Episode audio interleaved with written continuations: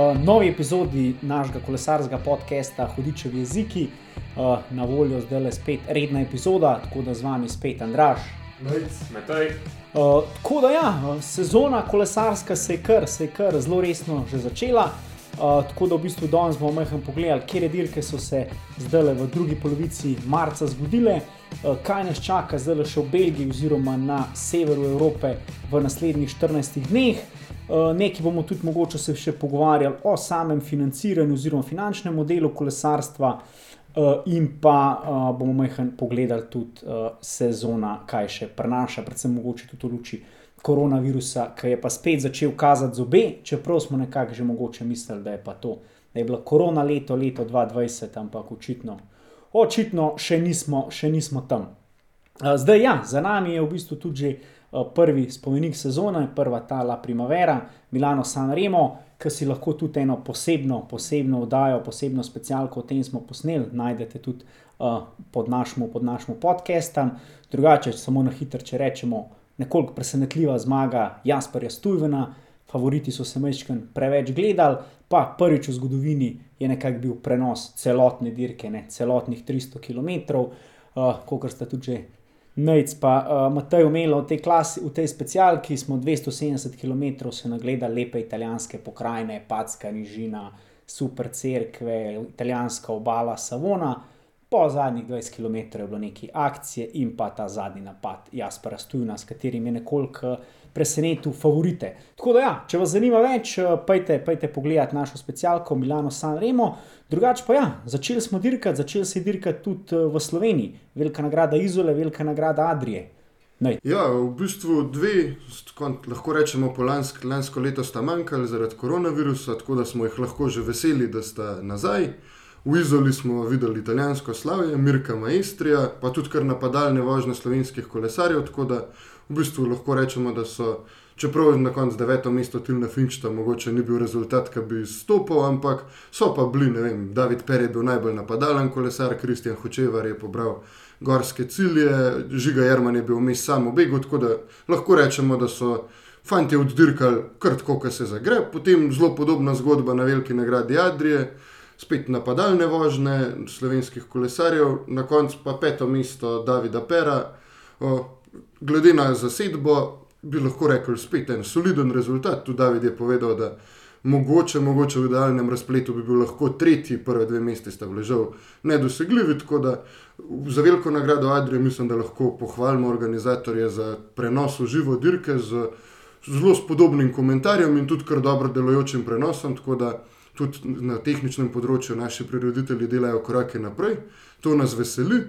Potem smo gledali še kar zanimivo dirko Kopi Bartali, ko je dobil Jonas Vingegord, ampak sam po sebi pa za slovence, glede na to, da ni bilo slovenske zasedbe, mogoče malo manj zanimiva dirka. No, pa Mark Cavendish je skoraj dobil etapo. Ne? In nosil majico vodilnega. Tako, tako, Mark Cavendish, v prvi, v prvi epizodi smo se veliko pogovarjali, ne? kaj lahko v bistvu še ponudi Mark Cavendish, očitno so še lahko pilo sprejeti. Tako, v bistvu mislim, da je bil že zdaj v letošnji sezoni, da je bilo to njegovo drugo, drugo mesto ja. za njim, tako da sicer tisto zmago še čaka, ampak recimo, da se Mark vsaj približno vrača počasi v v konkurenco nekako. Tako, tako da, Sicer na teh malo nižjih dirkah, ampak. Pa glede na to, če smo se spomnili, že kako je Mark dirkal lani, ko je tudi niti grupe ni držal na ravninskih etapah, je tole, mislim, kar kapo dol za to, no, en velik, velik korak naprej.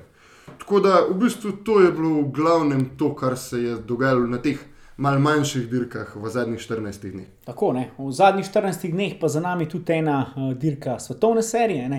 Ta zelo simpatična uh, dirka po Kataloniji, uh, leto zelo aktivno, zelo aktivno logo tudi uh, Mateja Mohoriča. Ne? Matej se je zelo, zelo trudil, bil je praktično štirikrat v begu, dvakrat zelo, zelo blizu etapne zmage, res je želel to etapno zmago, ampak žal ne. Ostal je praznih rok, ampak je to pokazatelj neke dobre vrhovnosti Mateja Mohoriča.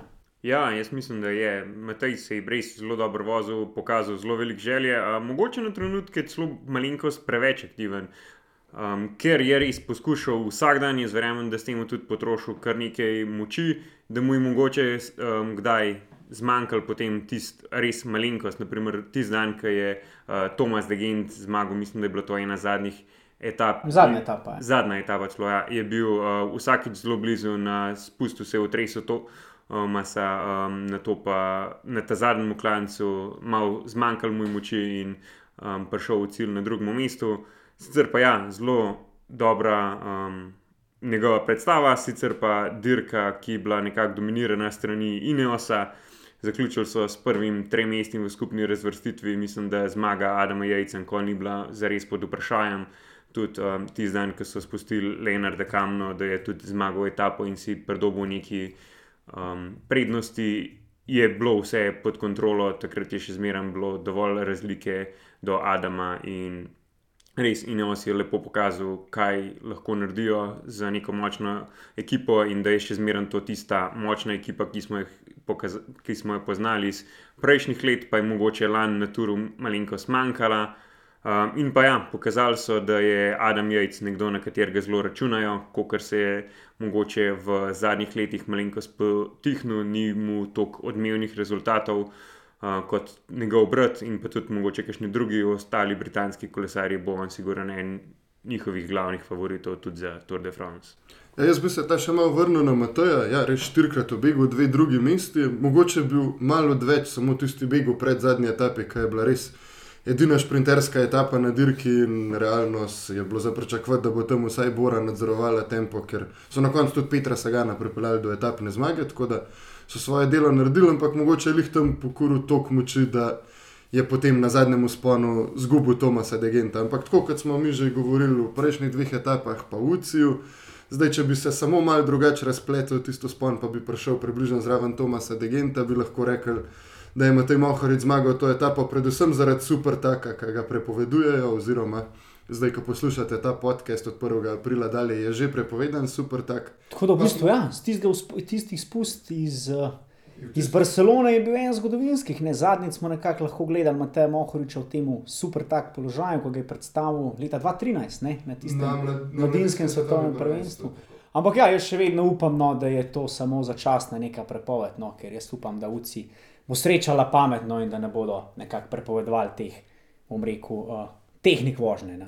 Zdaj, pri Inu so bi pa še ja, lahko rekli, da okay, Adam Jojc mene on presenetil ne toliko na, na vožnje na ukreber, tam smo vedeli, da je on kar dober, ampak da je pa on v deseterico se vrstil na posamičnem kronometru, kam je bil pa do zdaj njemu res velika hiba v njegovem repertoarju. Pa, ja, no, to je bilo pa meni zelo presenetljivo, pa se mi tudi zdi, da je to še en dokaz, da Ineos še vedno je v tehniki in pripravi in tudi ne, aerodinamiki, vsemu skupaj očitno en korak pred konkurenco, ker če lahko iz nekoga, ki pri Oriki ni uspel biti niti konkurenčen kronometrist, pripelješ človeka do tega, da na kronometru pridobiva prednost proti ostalim favoritom, je to za me vrhunski dosežek, ob tem bi pa jaz izpostavil še Geranta Tomasa, ki odlično stopnjuje formo v spomladanskem delu in Tomas, če bo tako nadaljeval, mislim, da bo tudi na turu spet kar nevaren. Ja, in v bistvu prva trojna zmaga ene ekipe na dirki svetovne serije po letu 96, v bistvu in po tisti legendarni trojni zmagi MPA na, na dirki Pariz-Rubene, ko so se v bistvu solo vožni Johan Mosev, Bartolomej, pa mislim, da Andreja Tafi sami pripeljali na ta velodrom v Rubeju. Dajte si to na YouTubu pogledati, zelo eni taki legendarni posnetki. Se pravi, smo mogli čakati ja, skoraj 25 let, ne, no, podoben dosežek. Tako in tisto dirko se splača pogledati, že tudi zaradi vrhunskih drevesov, MPA. To so bili res. Res taki dizajnerski predvsem. Ja, te drevesa lahko še danes vidimo, ki je na cesti, predvsem kašni uh, kolesari starejše populacije, se kar ladi obrečajo te maurične, rožnate, mapej barve. Zanimivo je, kako smo lahko skoraj 30 let nazaj naredili dreveske na cesti izstopov, zdaj pa vsaka ekipa voz dreveske se zgubi, samo če so še tri druge zraven, težko rečeš, da počemer koli stopa. Tako da, ja, jo, tudi z tega vidika, dobri časi kolesarstva. Ok, umenili smo dirko po Kataloniji, eh, začele so se pa tudi te, moramo reči, za ljubitelje kolesarstva zelo, zelo privlačne, pa zelo, zelo dobre dirke eh, na severu Evrope, ne? predvsem, predvsem tukaj Belgija, Flandrija, prednači tudi severna Francija. Se pravi, govorimo o teh tako imenovanih eh, belgijskih, flandrijskih klasikah, kjer je pa ena velika značilnost, da potekajo po tlakovanih odsekih. Ne? Tako da videli smo dve, ene dirke že do zdaj, ne, se pravi, tri, Saksoba in Klasik, pa Gent in Vegelen, že ne take zanimive dirke, čakamo pa še te flandrijske vrhunce. Ja, mislim, sploh E3, z bivši Haraldbeke, zdaj niti se tako ne imenuje več, pa niti ne poteka več zraven E3. -a. E3 je um, pač v Flandriji, mislim, da glavna prometnica, eh, po kateri je ta dirka dobila ime, ampak eh, je bila pa spet ena taka, mislim, lahko bi rekel. Res predstava, dekoni Quickstepa za kolesarske učbenike, to bi se, mislim, da morali vsi mladinci to dirko pogledati, pa videti, kako lahko, če malo lastne interese porineš na stran, z ekipno močjo zmagaš dirko, čeprav mogoče niti nimaš najmočnejšega kolesarja na dirki. Ker to smo videli najprej. Tim de Klerk spet naredil svoje delo 80 km pred ciljem, razbil peloton na ravnini na pol, potem so pa njegovi, njegovi ekipni kolegi na Tajembergu, kjer je že vem, deset let nazaj Tom Bonan vedno napadal, to je bil njegov uspon, uh, naredili selekcijo, sicer se je ustalo od spredju 10-15 kolesarjev, nad pol bi se ta dirka že takrat lahko praktično za vse ostale končala, pa so imeli to srečo, da je imel Vod van Art težave s kolesom in se ne mogel vrniti zaradi tega v glavnino. In ga je Jumbo Visma še enkrat potegnil nazaj do prvih, ampak Quickstep se s tem ni preveč obremenjeval, še enkrat so naredili razliko, še enkrat naredili selekcijo. V bistvu na koncu je prišla skupina 15 kolesarjev, okrog 15, 10 do 15 kolesarjev na zadnji spon. Tam smo pa videli za me eno bolj neverjetnih potez v zadnjih časih, Vauta Vanarta, kako lepo je skočil. In takoj, ko so ga ostali ujeli in je Matiju Vendrpol samo malo še pospešil, je Vauta Vanarta odrezal. In kolegi na Cycling podcastu so rekli, da je Vaut Vanart put himself on fire, kar je bilo kar dosto točen opis tega, kar se je zgodilo. Tako da Vaut je tam izpadel iz igre. Quickstep je še enkrat poslal Kasperja Asgrena, ki je bil v begu že prej 30 km napad. Kasper Asgrena noben ni pokril, ne mu pa ne pravijo za to, da je v bistvu človeški motor, da kaj enkrat dobi hitrost, se ne ustavlja več. Tako da, gledam, Matiju Vendrpol je gledal ostale, noter sta Florian se našal in zdaj nek štibr le še počakala. Če bo kdo drug kaj naredil, vsi ostali so vedeli, da če bodo lovili Kasperja Asgrena, jih bo se našal od sprintov in na koncu vrhunska zmaga za Asgrena, vrhunska zmaga za Quickstep in še drugo mesto za Floriana se našala za piko na i, za to, da se pokaže, kako volče krdelo v Belgiji res nima konkurence. Ja, ampak že naslednjo dirko, se pravi Gent, vem, Velgenen, no, ki letos sploh ni štartalo v Gentu, ampak v Jipru, ja, ki ga mogoče poznamo iz zgodovine kot prizorišče enih zelo, zelo hudih bojev med prvo svetovno vojno. Za zanimivost, IPR je zdaj v bistvu drugič, je štart dirke bil v IPR in IPR je ogromno denarja vložil v to, da bi pač s tem privabili turiste v IPR, malo pogledati ta spomenik. Uh, pač vojni spomenik za žrtve, in pa še pač tako pogledati mesto Ipr. Oni so veliko denarja dali za to, da se ta klasika tam začenja, pa že drugo leto zapored je brez turistov in gledalcev. Ja, je pa res, da smo lahko na posnetkih videli tudi te čudovite prizore oziroma posnetke teh uh, pokopališč in teh, v bistvu, teh uh, prizorišč Prve svetovne vojne, ki Ipr je bil praktično eno redkih uh, flamskih mest, ki ga v bistvu Nemci med Prvo svetovno vojno nikoli niso dosegli, čeprav so se praktično tri leta uh, močno, močno trudili. To je tudi prva uporaba bojnega plina v zgodovini. Leta 1915, prijepro. Tako da uh, upamo, da lahko to dirko čim prej ogledamo tudi živo. Tam je pa v bistvu ta taktika, dekveni quickstepa, se pa ni, so se pa malo uštel pri taktiki. Ne? Ja, pa tukaj mislim, da je um, ena bolj pomenjenih potez se že zgodila pred samo dirko, ko sta dve ekipe v bistvu um, prečasno zaključili, se pravi Bora in Trek um, sta obe dve žal mogli ostati brez nastopa. In tudi zaradi tega je bila sigurno pač konkurenca nekoliko um, manjša. In zaradi tega bi mogoče človek še pričakoval, da bo Quickstep z predstavami, ki jih je pokazal na prejšnjih dirkah, samo še toliko bolj dominiral. Konec koncev, trek um, za zmagovalcev spomenika, tudi uh, Pedersen in pa še kakšen drug, bi se lahko zelo umešal v boj za zmago. Pedersen je tudi branil zmage na Gen 2. Tako, tako kot branilc. Um, pa temu ni bilo tako. Um, tukaj se je na tej dirki relativno zgodaj že odpeljal en beg, uh, oziroma pač na ešalonih se je pač skupina razbila.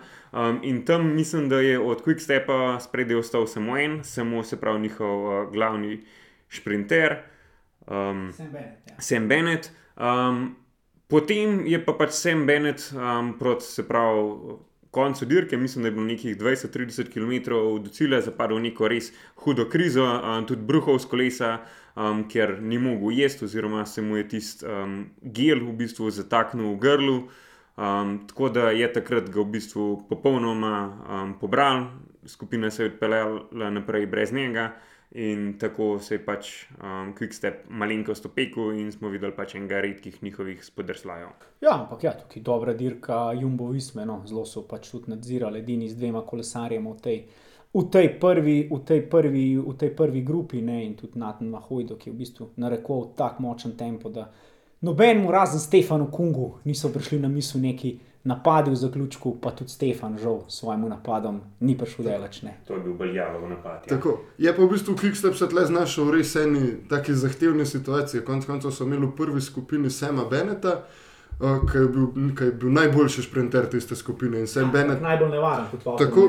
In v bistvu bi Sam Bennett velel, če bi to prišlo v sprint za prvega favorita, pa on je konec koncev še zdržal zadnji spon na Kimmelberg, je pa je zdravje žal izdal. Ampak um, tle, ne, kako bi se Quickstep zadnji imel v glavnini, dost kolesarjev, ki so bili dost močni, da bi lahko polovil verjetno ta beg, ampak zakaj bi pa polovil svojega sprinterja iz vrhunske situacije. Tako da tle je bilo za njih mal, se mi zdi pač ja, mal ne, neugodnega razpleta se. Kdaj se mora tudi njim ponesrečati, je pa na koncu zvod Van Art izkoristil ja, delo Netana Van Hojdonka in pa tudi po mojem je bilo po letošnjih mal razočaranih na klasikah do zdaj, tudi za njega to en tak dober, um, kako bi temu rekel, booster za samozavest pred dirko po Flandriji. Ja, je pa na ta dan v bistvu Jumbo Visma dosegla dvojno zmago, če pogledamo, ne, se pravi Wout van Aert na moški izvedbi te klasike, na ženski izvedbi klasike je pa zmagala Marijana Vos iz ženske ekipe. Jumbo Visma, se pravi, lepa dvojna zmaga. Nekako podobno, kar je uspel tudi uh, dva vikenda prej, uh, Treksega Fredo. Jasper Stujven je takrat zmagal Milano, San Remo, Eliza Longo, Borgini pa iz isto ženske ekipe Treksega Fredo, pa je potem zmagala to trofejo Alfredo Bindi, eno večjih dirk za ženske kolesarke.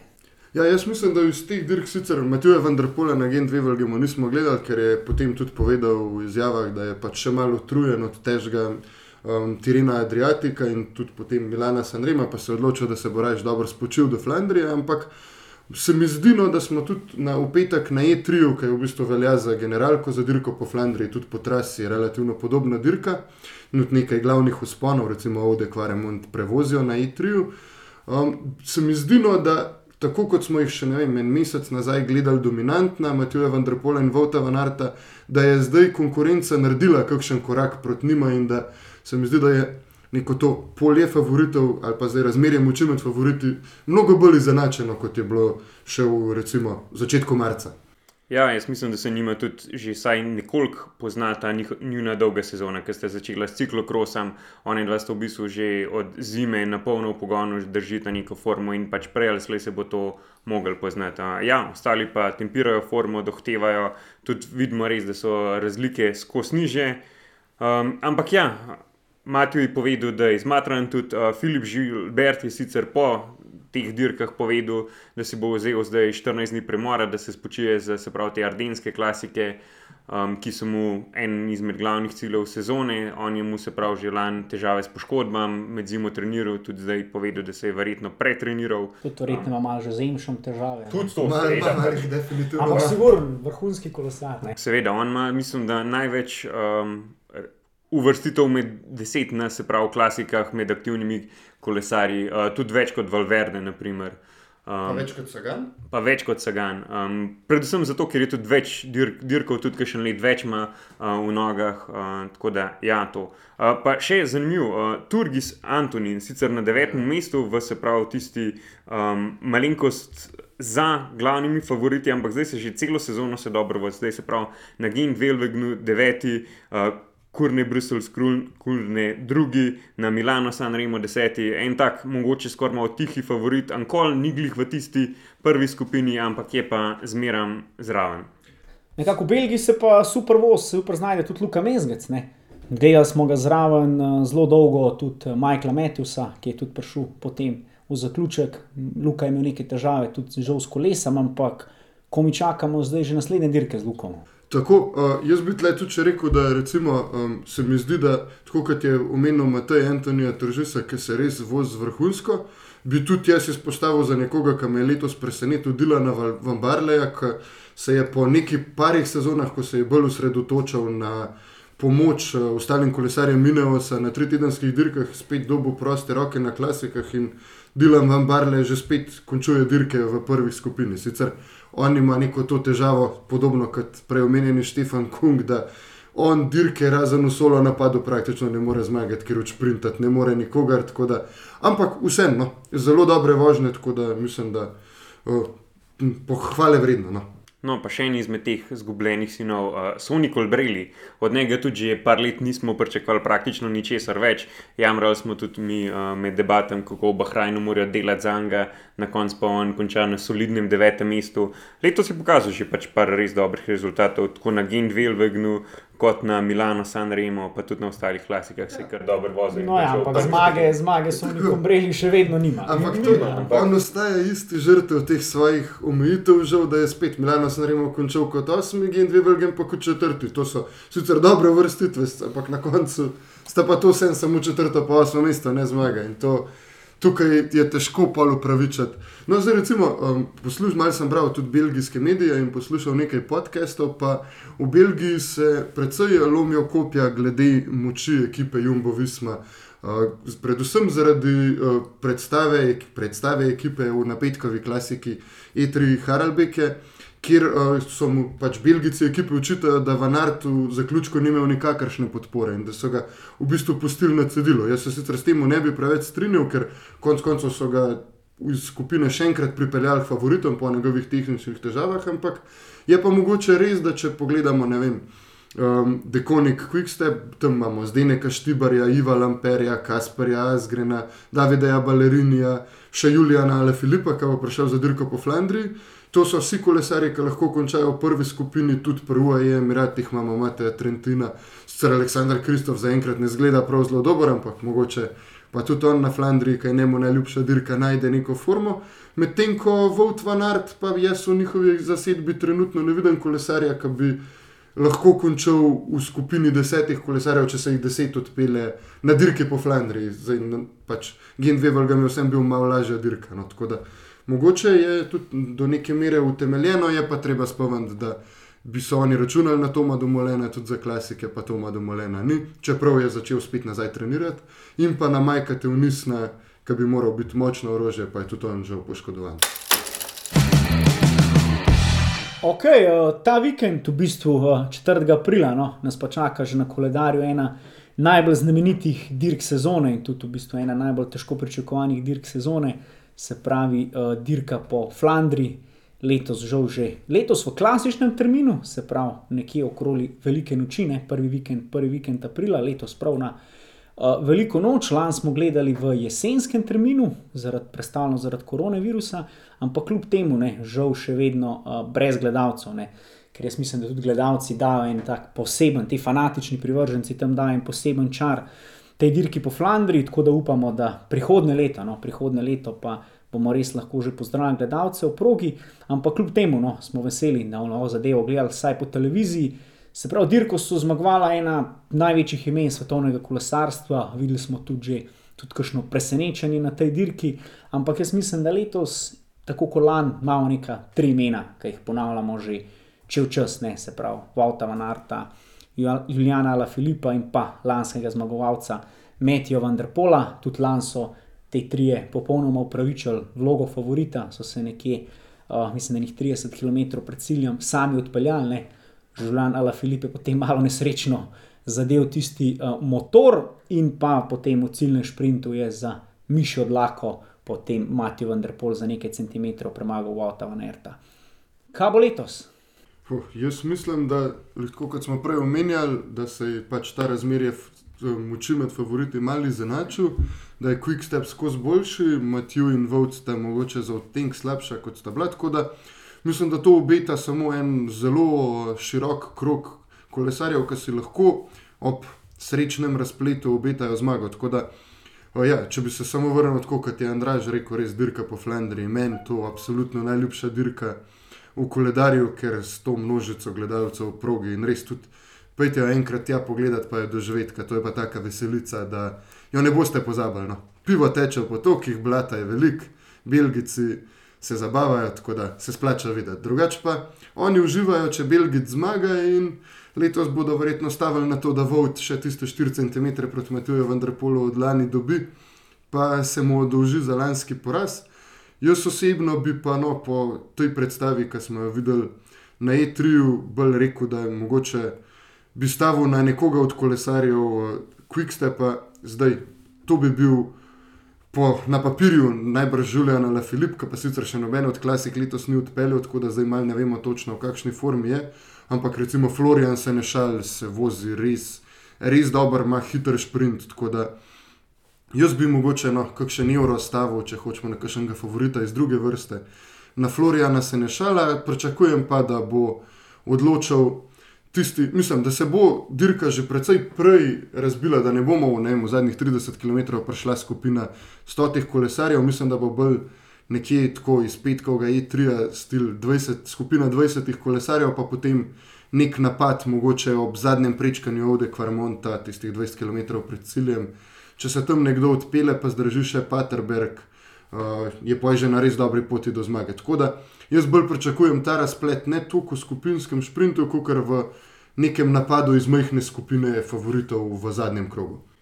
Ja, uh, pa poleg Quickstepa, jaz tudi mislim, da je tukaj Trek še ena izmed tistih ekip, ki bo bolj krojila dirko, mogoče kot ostale. Pač ostale ekipe imajo po enega do dva zelo dominantnega posameznika, medtem ko Trek je pa leto že pokazal, da ima lahko tudi več orožja. In tudi mislim, da so praktično edina ekipa, poleg Quickstepa, ki lahko igra to igro z večjimi orožji.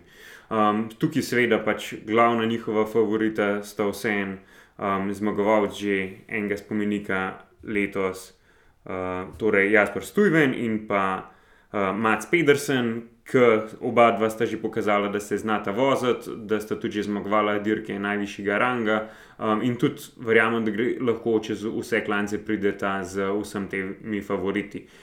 Še zmeraj je pa pač tukaj tudi vprašanje, kako težko dirko bo Quickstep želel sploh narediti, ali bojo pač hotel narediti izjemno težko dirko in pač položili večino upov svojih v Juliana ali Filipa, ali bojo mogoče to oni probali odšpilati neko bolj taktično dirko, mogoče um, probati ujeti kakšen manjši beg, da se odpeljejo, ne vem, 3-4 kolesarji um, mogoče za enim izmed tistih favoritov iz druge vrste, pa mogoče da se pravi tam, da trek enega, pa uh, quick step enega, pa mogoče še kakšen Trentin zraven, da pride, ali pa mogoče kakšen od že do zerja. Vse to bojo neke zelo zanimive taktične kombinacije, ki se bojo preigravale tam na terenu, v bistvu. In mislim, da to bo, sploh glede na to, kako močen je Quickstep in kako močen bi lahko bil trek, um, ena taka tudi malo šahovska partija, kjer se bo pač pokazal ne samo, kdo je najmočnejši, ampak tudi kdo je najbolj taktično zrel. Jaz pa mislim, da bo letos bo tudi mogoče to za Petra Saga na ena malce drugačna dirka kot vsakeč do zdaj, ko je bil Peter res v, v spredju, tisti glavni favorit za zmago, kadarkoli se je pojavil na štartni črti. Letos pa sicer zmaga na dirki po Kataloniji um, mu je dala mal krila, ampak realno pa še vedno Peter ne so tu čist, tisti čist najožji krok favoritov, tako da bo lahko dirkal malo manj neobremenjeno, pa mogoče ga tudi ne bodo vsi takoj pokrivali, kot so ga v prejšnjih sezonah. Zdaj, tukaj za tiste, ki imajo več možnosti, mogoče tudi EF Education, lahko nevaren z Albertom Betijolom, ki se sicer letos ne voz najboljš, no, ampak je pa že zmagal dirko po Flandriji, plus imajo še Mih Mihaela Valgrena, uh, ki je pa tudi bil pred leti zelo tisti, eden od najbolj perspektivnih kolesarjev za klasike. Pa je se jim malo zgubil, ampak verjetno, da jih talenta pa čist ne zgubiš. Ja, in vse, kot si rekel, ne, tudi videli smo že na Milano, sam Remu, ne, če vsi gledajo neke glavne favorite, se lahko zgodi tudi kakšno presenečenje, kot je recimo tudi ta zmaga. Alberta Bitiola leta 2019 na dirki po Flandriji, ki so vsi samo gledali, kaj bo zdaj naredil Peter Sagan. Peter Sagan je takrat ni naredil način, je Alberto Bitiol se odpeljal tako, da ja, jaz bi mogoče tukaj še omenil od teh, bo rekel, favoritov z druge vrste, mogoče tudi ekipo Loto Sudala, ker vemo, da je belgijska ekipa in belgijske ekipe dajo ogromno na, na te belgijske klasike. Uh, tako da tukaj mogoče Tim Velens je letos, mogoče ni glih to dirka najbolj za njega, ampak je letos že pokazal, da se, da se zna dobro pelati, da je v dobri formi. Uh, ali pa mogoče tudi John Degelkop je tudi že v preteklosti dobro vozil na tovrstnih dirkah in bi mogoče tudi na njih uh, pogledal, kaj še nuč. Bomo tudi slovenci imeli ne? enega našega predstavnika na dirki, Luka Mezgec, je planiran, da vozi v podporo Michaelu Metosu in uh, ko mi čakamo, da vidimo, kaj lahko tudi Bike Exchange pokaže. Tako, jaz mislim, da je tle še en od tistih uh, tihih favoritov, je za me Tižbeno, ker je v Dresu Sunweba. Uh, zdaj se vozi, in lani se je vozil vrhunsko, pa letos se tudi vozi zelo dobro. Tižbeno je že končal dirko po Flandriji v deseterici, on je bil, njega so Belgijci izpostavljali kot tistega velikih upov naslednje generacije, pa se mu potem iz takšnih in drugačnih razlogov zaenkrat še ni sestavljal, ti še, še vedno mlad kolesar. Tako da um, mislim, da no, zdaj je star 27 let, tako da v bistvu prihajajo najboljša leta, ampak bi jaz bi rekel, no, da um, da bi on lahko tudi bil spet eden od tistih favoritov iz druge vrste. Drugače pa je, Luka bo imel veliko dela za Michaela Matthewsa, ampak se pa cela ekipa Bike Exchange voz izredno dobro. Ja, mislim, da je to veselje. Tudi Matthews bo verjetno zelo, zelo nevaren. Ne. Ja, je pa uh, za tako v Flandriji kot v Sloveniji za nedeljo napovedano zelo lepo vreme, ne. tako da bomo lahko ob uh, šunki in hrenu uživali v razpletu te zanimive dirke. Uh, drugače, ja, uh, dirka po Flandriji je znana tudi, da ima en dan prej eno zelo fino rekreativno različico, ki je letos zaradi znanih uh, epidemioloških razlogov žal ne bo, ne, ampak ja, nekako čez kakšno leto, dve upamo tudi na kakšen izlet, ne, v soboto odvozimo nek del dirke po Flandriji, rekreativno, v nedeljo pa pivo in dirka. Naj se to dirko že vozi, tako da prav super vzdušje. Ja, nekaj najboljšega, kar lahko na kolesu doživite, res priporočam, tako kot pol v Ovdenardu po stotih kilometrih kock pa klancev, pa še tisti lef je. Res se splača. No. No, ni nujno, da naredite sto, lahko mislim, da greste celo dirko. Mislim, da je možnost v celo traso, da peljete. Lahko je pa najboljših je pa odpeljati uh, tistih 100 ali 120, koliko jih je. Takrat, ko v bistvu pridejo na te znamenite tlakovane vzpone. Lahko odpeljete vse vzpone dirke po Flandriji, ki jih dirka po Flandriji tisto ja. leto naredi. To, je, to se splača. Sigurno za nabaket list, lahko pa letos v večjih, v večjih trgovskih verigah po Sloveniji lahko dobite tudi lefa. Jaz sem svoj hladilnik že upremil eh, z, nekim, z nekaj uh, izvedenkam tega zelo dobrega belgijskega piva, tako da bo izkušnja v nedelo še boljša. No, ja, pa ne bo pa to tudi letos zadnja šansa spremljati dirke v Flandriji. Ne pozabite, da je tudi pač leto svetovno prvenstvo v Flandriji, sicer še precej daleč stran, ampak uh, tudi to bo. Um, zelo zanimiva dirka na podoben, um, na podobnem terenu, in mislim, da bomo tudi tam videli še zelo um, dober dirkanje z pač podobnimi kolesarji, zelo verjetno, ampak seveda v neki čist drugi sestavi, kjer bojo pač dirkale državne ekipe, ne pa se pravi te um, ekipe, ki jih spremljamo celo leto. Ja, za izdirko po Flandriji bi se v bistvu moral začeti ta sveti teden, klasik, sveti teden kolesarstva ki bi se lahko, če naslednjo nedeljo potem končal s Pariz-Robejem. Zdaj za Pariz-Robejem pa saj zaenkrat ne kaže najboljše. Ja, Pariz-Robe je bil že lani v bistvu edina ta večja, edina večja dirka, ki je bil žrtev tega koronavirusa in je lani praktično odpadla. Stale dirke so najdle neke alternativne termine, so bile izvedene, Pariz-Robe pa žal ne, se pravi na koncu septembra, mislim, da je bil planiran. In je odpadel tudi letos v tem klasičnem terminu, se pravi nekje v drugo, drugi vikend aprila. Uh, ne kaže dobro, ne kaže dobro oblasti v severni Franciji, kjer se ta dirka končuje, ne rubejo v bistvu neko predmestje Lila.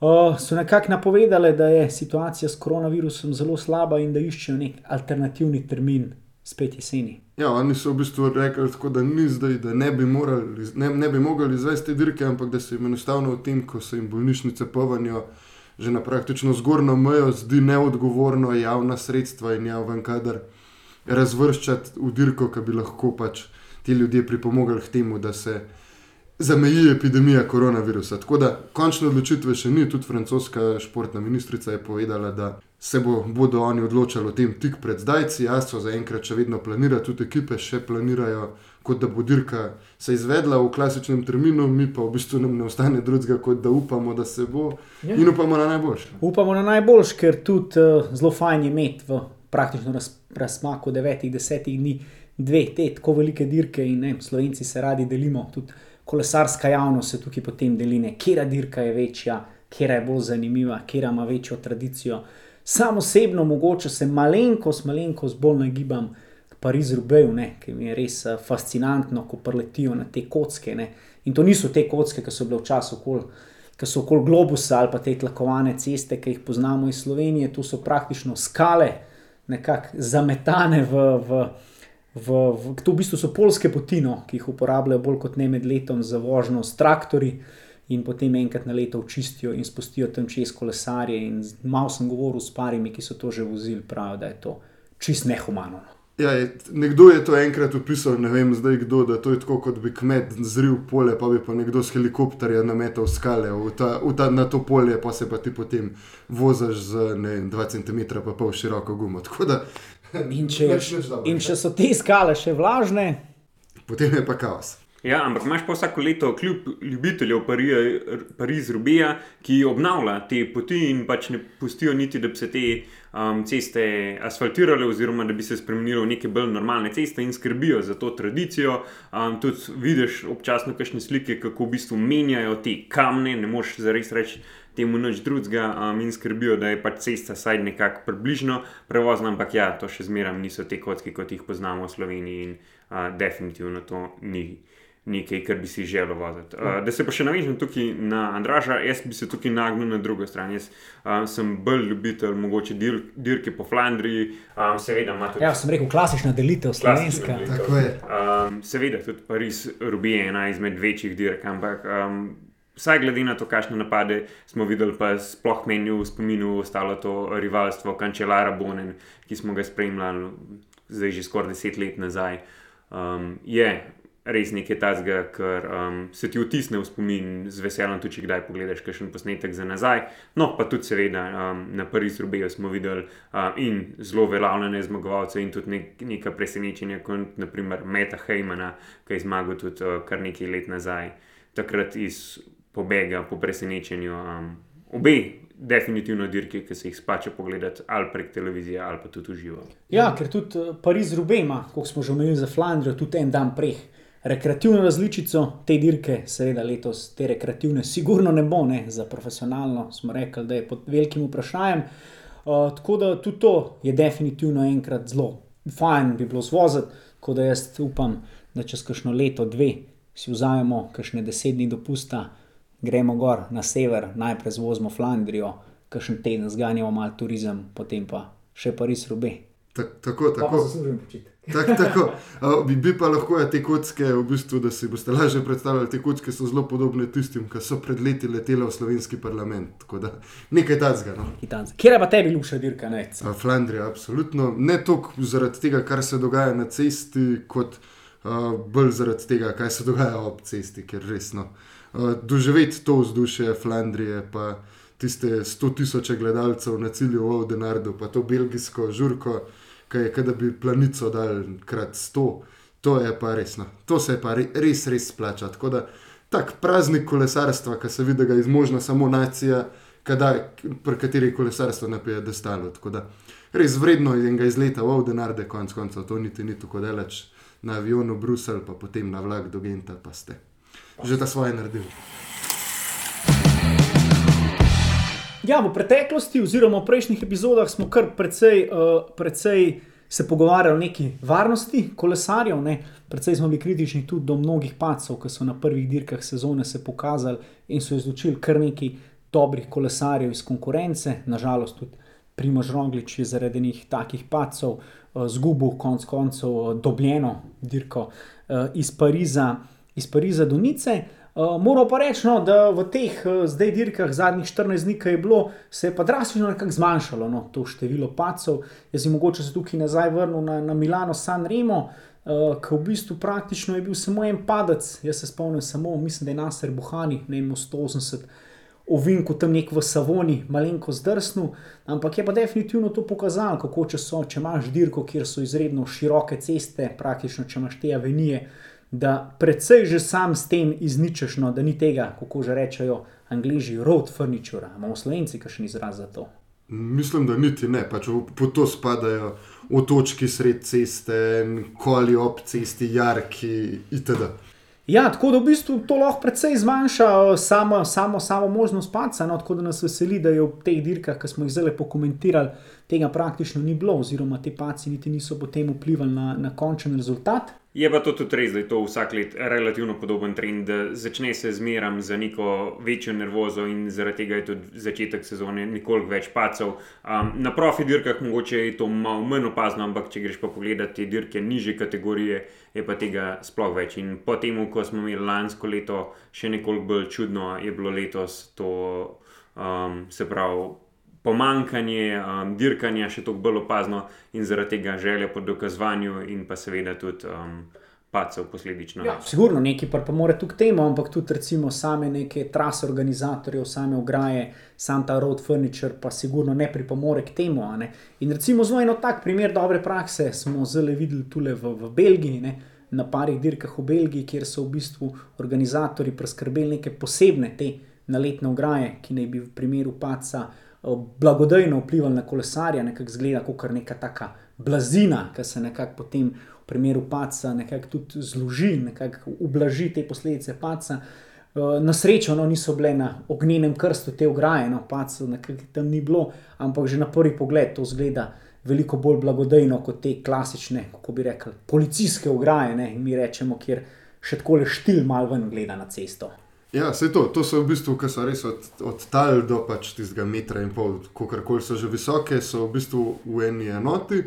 Hkrati so, um, so plastične, lahko se jih napolni z vodo, v primeru vetra, da ti veter ne more podirati, kar je bil tudi že eh, primer na dirkah v preteklosti, da je veter v sprintu podaril ograje in naredil kaos.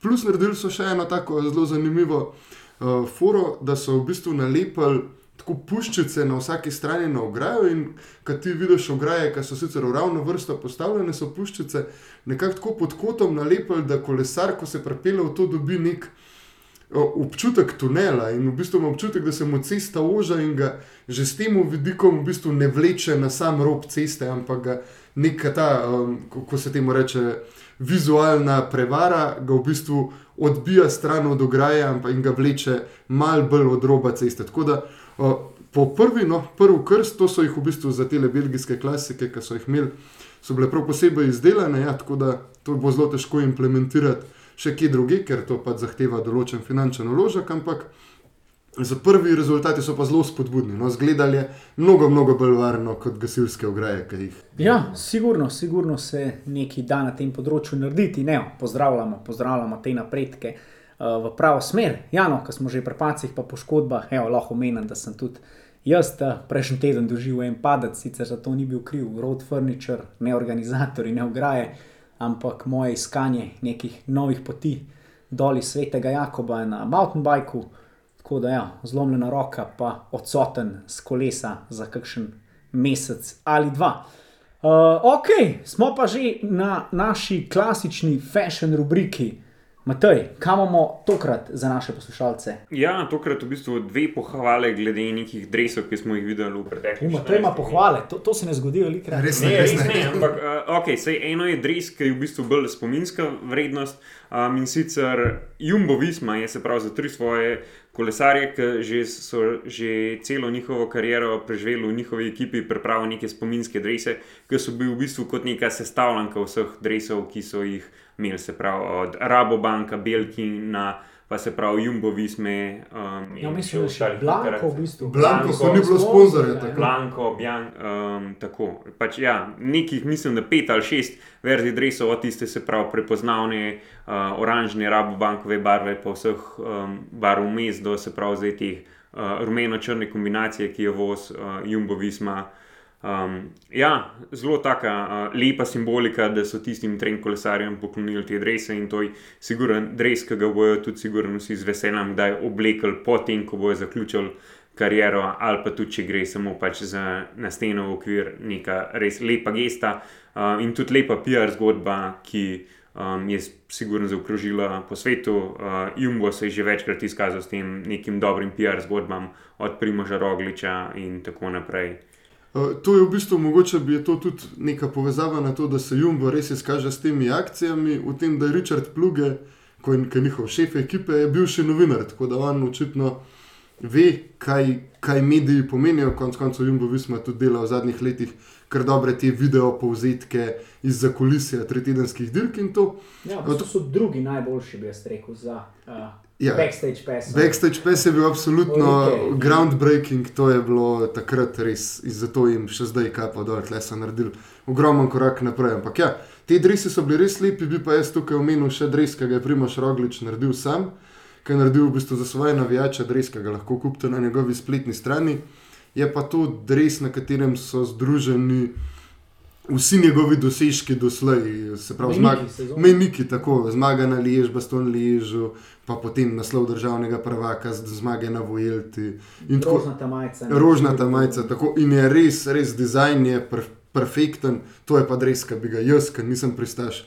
Nekih reklamnih klubskih drevesov, najraje nosim prazne drevese, z veseljem obleko. No, Ja, in tudi po podatkih na primožni spletni strani je ta v bistvu res narejen v Sloveniji, tako da v bistvu s tem tudi nekako malo podpiramo tudi to slovensko tekstilno, slovensko industrijo, teh športnih oblačil. Tako da, da si pogledaj no, na primoževi uradni spletni strani, zelo ena taka lušna zadeva, pa se nam zdi en tak korak v prav smer. Ja, ampak po dizajnu pa na hitro spominjamo na Louis Vuitton, um, po teh svojih križih in to. In, um, no, to je šal, spozna Louis Vuitton. Ja, normalno. To je zanimivo, to je zanimivo. Fashion kotiček vodam. Um, ja, pa poleg se pravi vseh teh um, tekmovalnih dosežkov je primož vključil tudi nekih teh dosežkov iz zasebnega življenja, se pravi od rojstva leva in tako. In pač za nekoga, ki je fan Primoža Rogliča, je sigurno to nek um, lep spominski dres, um, kot rečeno, pa pač ne samo spominski, tudi dizajnersko lep um, in z veseljem bi ga oblikoval. Ja, in to je v bistvu res, res, res dober korak naprej, tudi v smislu. Do zdaj, če si bil fan Primoža Rogliča, si kupil njegov dres Jumba Visma, na katerem sicer ni pisal Roglič, pa si se delal, da si Primož Roglič. Zdaj pa dejansko lahko podpreš Primoža s tem, da kupaš prav dres posvečen samo njemu. Tako da to je resno. Ja, zelo, primož, zelo dobro. Primož in tedaj, oba dva delata na tem, na tem merchandise, oba imata tudi eh, svoje te spletne trgovince, kjer lahko tudi kupaš kakšno majčko, kakšno kapo. Že mislim, da imate kar nekaj že teh zadev razprodanih, tako da čakam na kakšno, mogoče si v sujaškem kanalu, kaj zataknil. Ampak ja, oba imata zelo tak simpatičen material, no, tudi za potem, ko bomo lahko spet o progi stali, pa navijo za njo, da poleg zastave imamo na glavi tudi mogoče kakšno kapo. Ja, zdaj, ko smo bili na pozitivnih eh, dogodkih, bi se pa lahko zdaj že na enega veliko bolj črnega še osredotočili za konec. To je pa zgodba, ki se odvija prav zdaj, ko snemamo mi, um, ko snemamo mi ta podcast in to je sicer uh, nov pozitiven dopinški primer v ekipi Vini Zabu. Uh, Mateo De Bonis je oddal vzorec, v katerem so najdel sledi eritropoetina, kar samo po sebi mogoče niti ne bi bila tako velika zgodba. Eh, če ne bi Mateo De Bonis, bil, mislim, če ne bi bil to že drugi pozitivni primer ekipe Vini Zabu v 12 mesecih. To pa po UCI-ovih pravilih pomeni, da je ekipa lahko suspendirana za od 15 do 45 dni. Kar bi pomenilo v najslabšem primeru, da jih suspendirajo za 45 dni, do Džira je še manj kot 40 dni, da oni dejansko ne bi smeli štartati na dirki po Italiji, čeprav eh, so dobili posebno povabilo. Kaj je bilo pa, kot smo že omenjali v prejšnjih epizodah, tudi malo sporno. To je kontroverzno, no, tako da smo mm. pokomentirali to že. Tako, ta ekipa ima tako bogato, v narekovajih, dopinško preteklost z Danilom Dilukom, Maurom Santambrožjem in še nekaj temi primeri. Tako da v bistvu to res ni dobra zgodba in tudi italijanska policija je zdaj naredila. 25 uh, hišnih preiskav, pri vseh kolesarjih, vini za boja, tako da očitno, upajmo, da ne, no, ampak kot kaže, mogoče gre to za kakšno sistemsko, malo bolj razširjeno zadevo. Eh, nič kaj dobrega. No? Smo upali, da smo to pustili v preteklosti, pa očitno ti uh, dopinški grehi so vseeno malo še sledijo karavani. No? Ja, ampak z pozitivne strani bomo pa spet lahko slišali še en komentar Džanja Salvija, ki bo mu verjetno spet precej zapovedati, kako je on to vedel že odprej in da bi si njegova ekipa že z prve zaslužila po to povabilno neđiro, pa ga je zdaj, um, če pride seveda do tega, zasluženo dobila, ampak uh, upajmo, da ostane pri enem dopinškem primeru in da ne gre za neko bolj sistematično zadevo. Ja, tako, definitivno. Doping je veliko škode naredil kolesarstvu. In upam, da, da, smo nekako, da smo to nekako uspeli znižati na neke res take posamezne, redke primere. v, v nižjih, bom rekel, bolj ravneh in kategorijah. Ok, nekako smo pripeljali tudi uh, tole epizodo do konca. Uh, Kot smo rekli, ne, uh, dejte, želimo vam neke vesele, velikonočne praznike. Ne. V nedeljo imate tudi super priložnost, uh, ta veliko noč obogatiti s to dirko po Flandriji. Uh, zdaj, ravno, tr, ravno v ta trenutek se je v bistvu zaključila zadnja pripravljena dirka za dirko po Flandriji, ta dvor zdaj. Flandern, zmago je tam nekoliko presenetljivo, ali pa tudi ne, no, Dylan Van Barle iz ekipe Ineos Grenadiers, ki nekako uresničuje to, kar so obljubili pred to sezono, se pravi, da ne bodo nekako ubijali dirk z nekim dirkanjem na tempo, nekih tritedenskih dirkah, ampak da bodo aktivno dirkali tudi na ostalih dirkah. Umeli smo že trojna zmaga na dirki po Kataloniji, tudi vidimo zelo, da so zelo konkurenčni tudi na teh enodnevnih dirkah, tudi na Milano, San Remo so se dobro vozili, tako da mogoče še eno imeno za dodati na to listo, listo tihih favoritov za nedeljo. Uh, mi se pa spet slišmo čez nekih 14 dni, kjer bomo pogledali, uh, kaj nas čaka v prihodnje, pokomentirali te. Pokomentirali dirko po Flandriji, upamo, da bomo lahko pokomentirali tudi Pariz Rubej, mehko bomo pogledali, se ozrli naprej na ardenske klasike in pa na dirke, ki prihajajo. Tako da, hvala za pozornost, pa na zdravje. Hvala, da ste bili z nami. Lepo vodite.